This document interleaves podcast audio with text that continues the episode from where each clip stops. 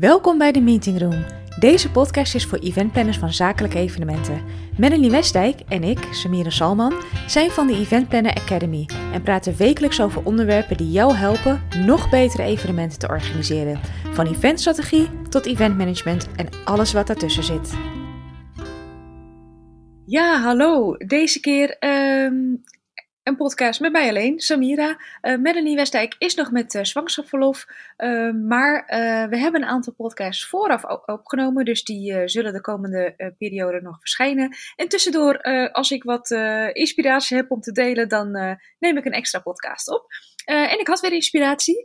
Um, twee dingen die onlangs gebeurden waarvan ik dacht van... hé, hey, hier kan ik volgens mij mensen wel mee inspireren.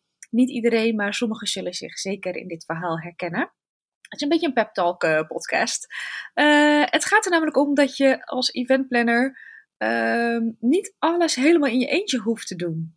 We zijn natuurlijk heel erg servicegericht als eventplanner. Dat, dat hoort ook bij dit beroep. Uh, je wil heel graag mensen helpen. Je wil heel graag doen wat er van je gevraagd wordt. Er een heel mooi event van neerzetten.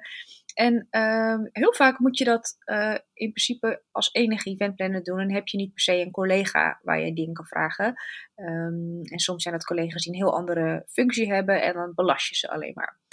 Um, en de reden waarom ik dit uh, wil bespreken, omdat ik een heel mooi voorbeeld had, wat denk ik helpt, wat mij vroeger zou helpen, uh, om dat voor je te houden. Maar eerst even de situatie. We spraken laatst met wat members tijdens een online sessie waarin we leermomenten met elkaar deelden. En één persoon deelde een uh, verhaal van haar eerste event dat ze als freelancer organiseerde. Um, uh, voor een uh, event waar niet heel veel budget was. en ja, moest dus heel veel bespaard worden op de kosten, waardoor ze, even heel kort gezegd, eigenlijk alles op haarzelf nam. Wat eigenlijk gewoon niet te doen is op de dag zelf. Dat hoef ik jullie niet uit te leggen. Um, ja, dus er kwam dus veel te veel te veel bij haar kijken. En voor je het weet, ren je zo voorbij. Uh, maak je fouten, wat je natuurlijk, uh, grote fouten wil je niet maken op zo'n evenement. Um, maar ook, weet je, eventplanner is uh, in de top, weet ik niet, top 10, top 20 wereldwijd van meest stressvolle beroepen.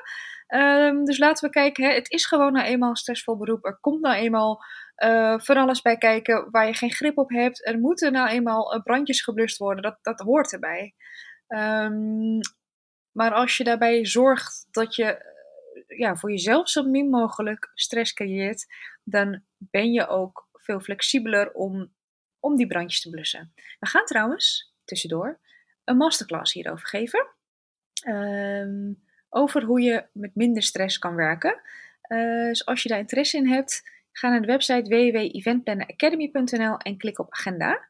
En dan zie je meer informatie hoe je uh, dit kan bijwonen. Uh, maar dan het voorbeeld.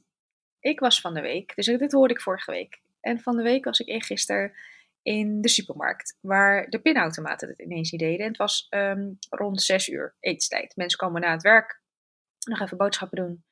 Uh, ik op mijn stom hoofd ook. Ik wilde nog even iets extra halen. Ik stond al in die rij en er was dus chaos. Uh, en overal hele lange rijen, zelfs bij de zelfscan. En um, nou, er moesten dus kassas bijkomen ook. Uh, en wat gebeurt er? Ik zie ineens twee personeelsleden aankomen lopen om een kassa te openen, allebei één. En ik zie de bedrijfsmanager lopen. En de bedrijfsmanager liep naar de kassa. En toen dacht ik, hij zal toch niet? Nee, hij gaat natuurlijk niet achter die kassa zitten. En die bedrijfsmanager, die loopt tenminste bij ons in, in een pak. Een oudere man, dat is heel duidelijk de bedrijfsmanager. Die gaat ook niet vakken vullen als het even druk is. En die gaat ook niet helpen bij de broodafdeling. Uh, weet je, dus dan is het heel obvious. Van natuurlijk gaat de bedrijfsmanager dat niet doen. Daar heeft hij personeel voor. Um, het zou heel raar zijn, toch? Beeld je dat eens in. Dat de bedrijfsmanager ineens vakken gaat vullen omdat het zo druk is dat hij maar even gaat helpen. Het zou hem sieren als het chaos is en echt paniek dat hij helpt. Maar het is niet heel logisch. Hij moet manager zijn. Nou kan ik me voorstellen dat als je dat dan weer doortrekt met events plannen, dat, het, hè, dat je gewoon eenmaal ook veel dingen zelf moet doen. Dat is prima. Alleen in sommige gevallen denk ik, ja, moet je dat wel allemaal zelf willen doen? Kun je daar niet mensen voor inregelen? En in het geval van freelancers, als er geen budget is, dat is niet jouw probleem. Jij hoeft niet het probleem op te lossen dat de opdrachtgever weinig budget heeft, dus dat jij dan maar alles moet gaan doen. Dat is niet de bedoeling. Dus Uh, en ook in loondienst, hè. In loondienst kan het ook zijn, ja, maar er is niemand anders in het bedrijf die dit doet. En ik heb gezegd dat ik het leuk vind om events te regelen, dus ik moet het maar doen. Zo was ik vroeger. Um, dus ik denk dat het vooral aan jou is om uh, jezelf te zien als de bedrijfsmanager bij een supermarkt, bijvoorbeeld. Zet die pet op van event manager uh, in plaats van planner. Ja, we gebruiken het woord planner om zeg maar alles te omvatten, omdat het, ja, iedereen heeft er een verschillende naam voor.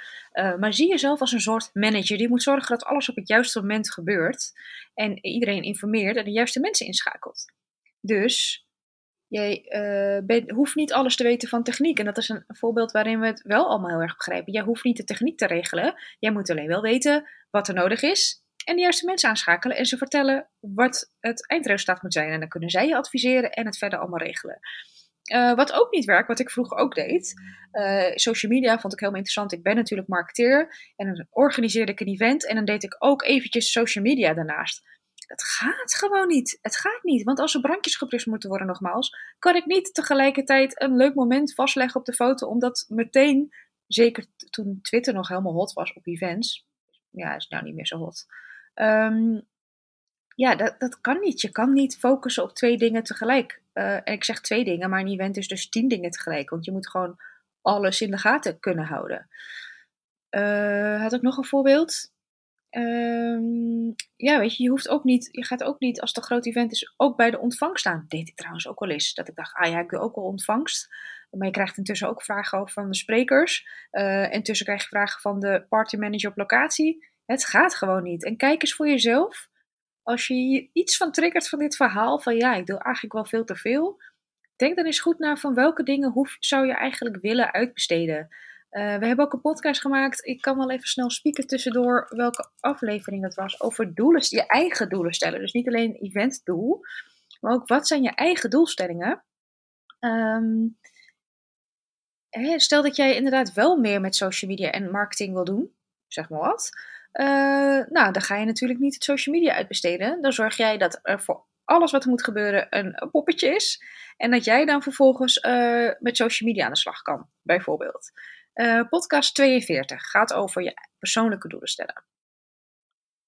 Um, ja, ik denk dat ik alles wel erover gezegd heb. Dus samenvattend, je hoeft niet alles zelf te doen. Besteed het uit, is veel professioneler. Kun jij veel beter focussen op wat je wel besluit te gaan doen. Uh, en houd die bedrijfsmanager van de supermarkt uh, voor ogen als je het even kwijt bent.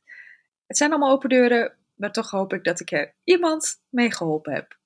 Tot de volgende keer.